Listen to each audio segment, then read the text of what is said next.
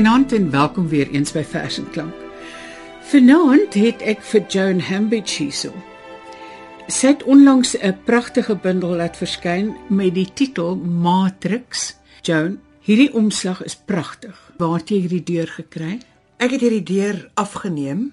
As jy mooi kyk daar na die regterkant staan die straatnaam Zaporto in Slovenië, het ek die deur afgeneem en eintlik het die deur my afgeneem. Want as jy mooi kyk, sal jy al die argetipes of kodes in die bundel sien.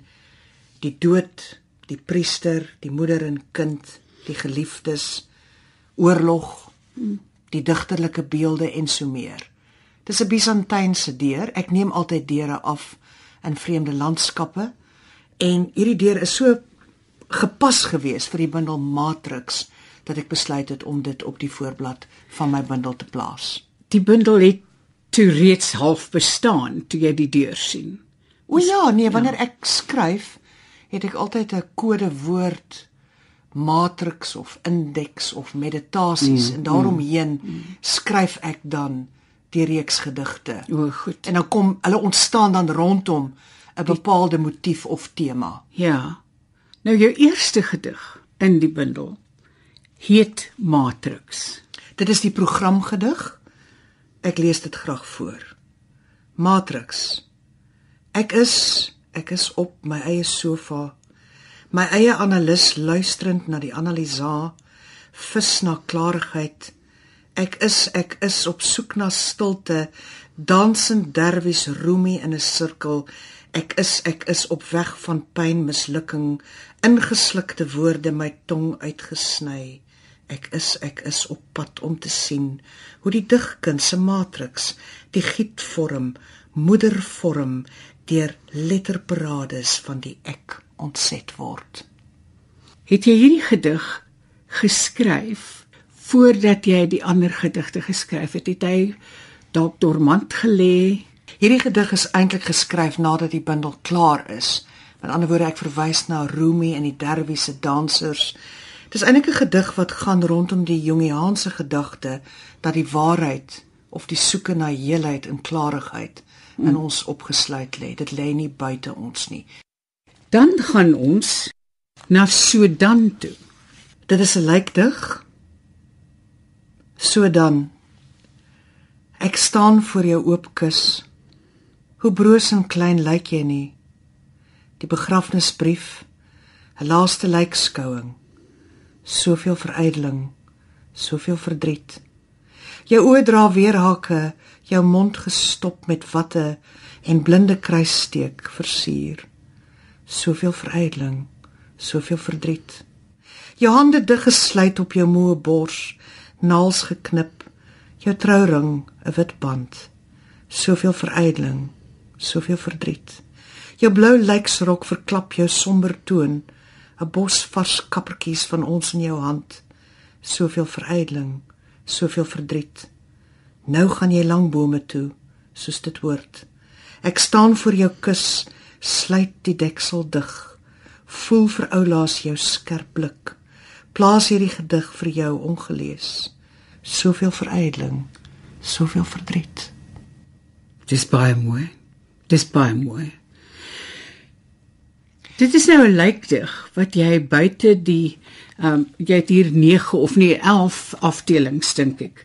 En een van die afdelings is dan ook lykdigte. Lykdigte oor bekende figure. Ek skryf wow, dikwels lykdigte oor mense beroemdes wanneer hulle sterf. Ja. Dit is 'n soort van 'n verwerking want jy vang iets van 'n tydsgees op wanneer mense doodgaan. Vir my is die digproses 'n soort joernaal hou. Met ander woorde, ek kyk na iets en iets raak my. En baie keer ken mens die mense of jy vind aanklank by hulle, jy ken hulle films of hulle optredes en daarom is hulle dood belangrik. Dit sê ook iets van jouself. Kan ons nou jy dit nou gesê het, kyk na Maria? Maria. The gossip in Milan was that Callas had swallowed a tapeworm. But of course she hadn't. The tapeworm was a soul, Frank Bidar. Als van die woord walg het sy verstaan. Lintwurms verslind om te verslank glo. Tog met die wagtyd van die liefde anders gesteld. Haar understudy Jackie O, mooier, perfekter, slanker, beslis geen Griekse tragedie. In die operahuis van die hartstog het die applous verstil. Note kriool teen disketyd.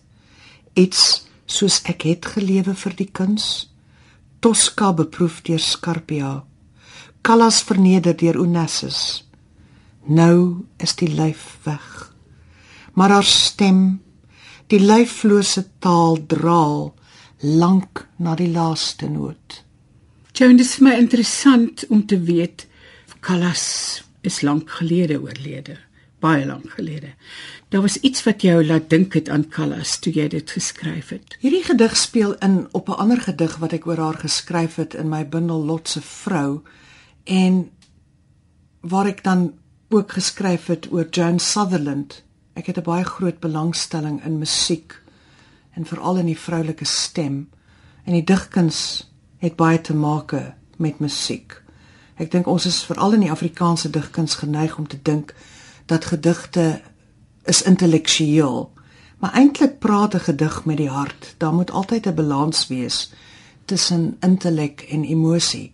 En hierdie gedig het ek geskryf toe ek die Amerikaanse digter Frank Bidar se gedig gelees het waarin Maria Callas natuurlik dan na vore kom. Maar ek luister baie opera. Ek het ook nou onlangs 'n opera geskryf wat later vanjaar opgevoer sal word. En die menslike stem is vir my baie belangrik. En ek kan 'n gedig net verstaan wanneer ek dit hardop voorgeles het, want dan word daar iets in die gedig ontsluit. En ons volgende gedig is Sarah Ons bediende was deel van ons huis se rotine. Al eet Sarah uit 'n blikbord met 'n gebuigde lepel, moes ons haar met respek behandel. In haar kamertjie staan op hoë bakstene haar wankelrige enkelbed. Om my tokelossie weg te hou, nonnetjie. Teen die mure foto van 'n swart man uit Bona. Smiddag wanneer sy klaar gewerk het vir byna niks, kyk ek verwonderd hoe sy haar hare uitklos vir vanaand se jive in die lokasie naby Silverton. Sy was haarself met Lifeboy uit 'n klein skotteltjie en gebruik skeursels koerantpapier by haar oop toilet. Oor die klein radiootjie hoor ek die pennyfluit oprank. En saans wanneer male uitgaan, haar groot groot lag. Op daardie keer toe male weg was om huis te soek en ek en ander se sien hoe 'n kind in 'n ongeluk sterf hou Sarah, ons mamma, my die hele nag teen haar bors. Tula baba, tula tula baba, tula baba, tula tula baba. En my eerste kennismaking met die dood se reuk en klank. Thank you.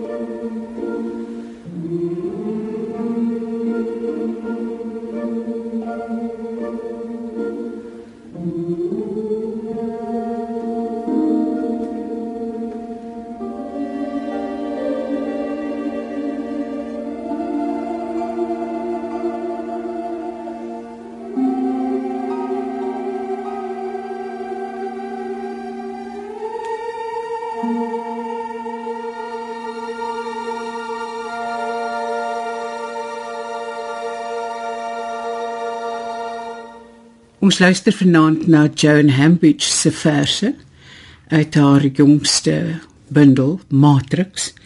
En sy lees dit self vir ons. Joan, ons het nou pas gepraat oor hoe lief jy vir musiek is en veral vir die vroulike stem. En die volgende gedig se titel is Vivaldi. Ja, ek onthou as 'n jonk kind het my ma vir my 'n kaset gegee van Vivaldi se vier seisoene En so 3 jaar terug was ek op reis in Venesië en die herinnering het so sterk na vore gekom toe ek by die Vivaldi museum verbygestap het en dit het die volgende gedig dan geïnspireer. Vivaldi Be tranquil in your wounds, Wallace Stevens. My moeder presenteer my met vier seisoene van Vivaldi. In 'n Venesiese winter verblind hoor ek steeds Nigel Kennedy se viool vlugvoetig gly tussen die vier wisselinge 'n klein verlore kaset berg 'n vertolking nes my ervaring iets nou probeer verbind voor die Vivaldi uitstalling oor haar wat anders as jy wintermaande se koue vir my en haar teen dank en stry in 'n gebreekte sonnet bevind. Hmm. Jy het 'n hele paar lijkdigte hierso. En in baie gevalle is dit mense, Suid-Afrikaanse mense en Afrikaanse mense en ook buitelanders en sterre. Maar die een wat hier al versteek lê is Hannes Meyering. Hannes Meyering was 'n baie groot vriend van my. Hy is natuurlik oorlede al 'n hele paar jaar gelede. Ek dink Hannes is vir my bekend om twee redes. Ek was by sy begrafnis gewees en daar was soveel mense gewees. Die kerk was volgepak. En ek dink die belangrikste van Hannes is die paradoks, hierdie ongelooflike groot man wat hierdie delikate kunswerke gemaak het, nê, nee, ou geboue geteken het. En ek dink ek het nooit iemand geken wat nie van Hannes gehou het nie. Hannes Meyering. Geen kwatryn verpak met venyn. Geen sonnet met rymdwang of verwyd. Net 'n liefdevolle tanka vir 'n ou maat. Wakka sou jy uitroep, wyl ek tel aan syllabes. 575757 77 in betyds besef. Larger than life. Word beslis nie in 'n klein vorm verpak. Vir jou 'n uta of lied, is 'n doka oor jou lewensvreugde en my pyn. Dit wil skryf ek in hierdie bundel gedigte waarin ek eintlik speel met die vorm van 'n gedig, die sonetvorm en eintlik die onvermoë om die sonetvorm te kan skryf. Met ander woorde, die gedig eindig dan dikwels met en so beland jy in 'n gebreekte sonet of ek werk eintlik met die beeld van die sonet die gedagte van die sonnet dat daar altyd 'n beeld en 'n toepassing is al is dit net implisiet. 'n mm. Ander lykdig wat ek geskryf het is natuurlik vir Evelien Kastelein. Myns en siens een van die mees onderskatte digters in Afrikaans mm. wat die mooiste haikus en tankas geskryf het. Ek was baie goed bevriend met Evelien en Evelien behoort mynsins siens tot 'n skat van Afrikaanse digters wat ek vergete, verlore digters noem. Digters wat nie op die voorgrond is nie, ja. maar wat ons nooit mag vergeet nie. Brief vir Evelien Kastelein. Liewe vrou met smartsiek oë, verlangend na jou kleinkinders en seuns in verre, verre lande soos Brasilië of Nederland. Jy wat verlange so eenvoudig aangrypend kon vertolk. Daar waar jy nou is, lees hulle jou haikus en ruik hulle die geur van jou klein soenoffers. Dalk minder as die engele mag jy glo, afgesluit van liefde of haat, sal ons steeds saans die seans van al jou verlore vertrekkendes oproep. Dalk sal ons minder bly uitstel, leef vir die te vergeefse oomblik op 'n soekende kibbereis tot stilte in 'n tanka. Wanneer jy vanaand vir Kas sien, jou Chinese mandaryn, sê vir hom ek bewaar sy bottel Franse champagne tot en met sonsopkoms. Vir die bysiende leser. Waar is al die liefdes heen? Al die jye met wie ek stry. Waar is al die dooies heen? Al die kuste op 'n ry. Waar is al die reise heen? Al die stempels so gekry. Waar is al die gedigte heen, al die besoekings uitgebrei? O waar bly die pyn van voorverlede jaar? Toe weggevlug na plekke ver vandaan, in Puerto Montt of Machu Picchu, Havana of die Heksrivier vallei, bly elke jy in klipversteen. Nou gaan ek graag 'n gedig lees vir my vriend Johan de Lange. Johan en ek het 'n baie besonderse vriendskap. Dis 'n digterlike vriendskap, dis ook 'n vriendskap waar ons mekaar ondersteun as mense. En ek skryf dan dikwels ook gedigte vir Johan, veral wanneer ek in die buiteland reis en ek na hom verlang. Brief vir JDL. We haven't found enough dreams. We haven't dreamed enough. Georgia O'Keeffe. Teen die dors soos 'n akwarel van 'n woestyn sonder water bly jy jou nes ek verweer. Die aarde is nie eenvoudig nie leer 'n ouer digter. Die rym neem 'n hele lewe in beslag konstateer 'n ander. En nou goedskiks 3 dekades later meen jy ek is tyer meer opgewasse en gedrewe vir hierdie ding 'n tweede natuur vir hierdie proses hierdie verwonding dieper as 'n vleiswond, sneller as 'n fiks, raadsamer as terapie. Dog 'n bitter Judas kus, 'n snel grys fantoom. Ja, daar waar die melk wegstraal, o bokkie, dit moet jy verstaan. Ons sal soos die maan ondergaan.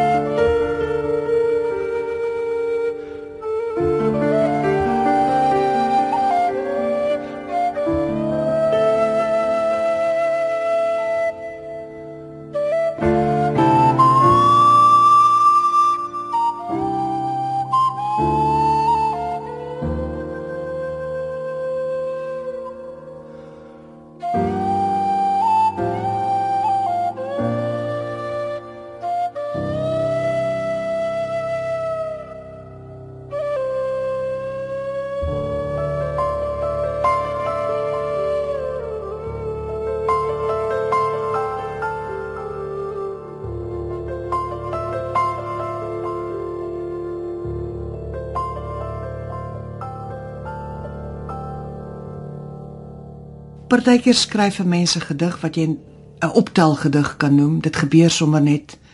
Dis toevallig in die insident stap letterlik in jou gedig in. Credecoor In die diep nag alvorens die Moisien of die Katolieke Kerk byren die dag aankondig, roep 'n jongeling na sy geliefde reg voor my venster. Waarom en hoekom die verlangende kreet? Wie het vir wie gelos? Is daar 'n ander, dus 'n Tennessee Waltz, 'n verdrietige return to sender, die epos van die hart geblokkeer? Of het die liefde se vervaldatum gewoon net aangebreek? Ek skakel die lig aan en raam sy kredekoer.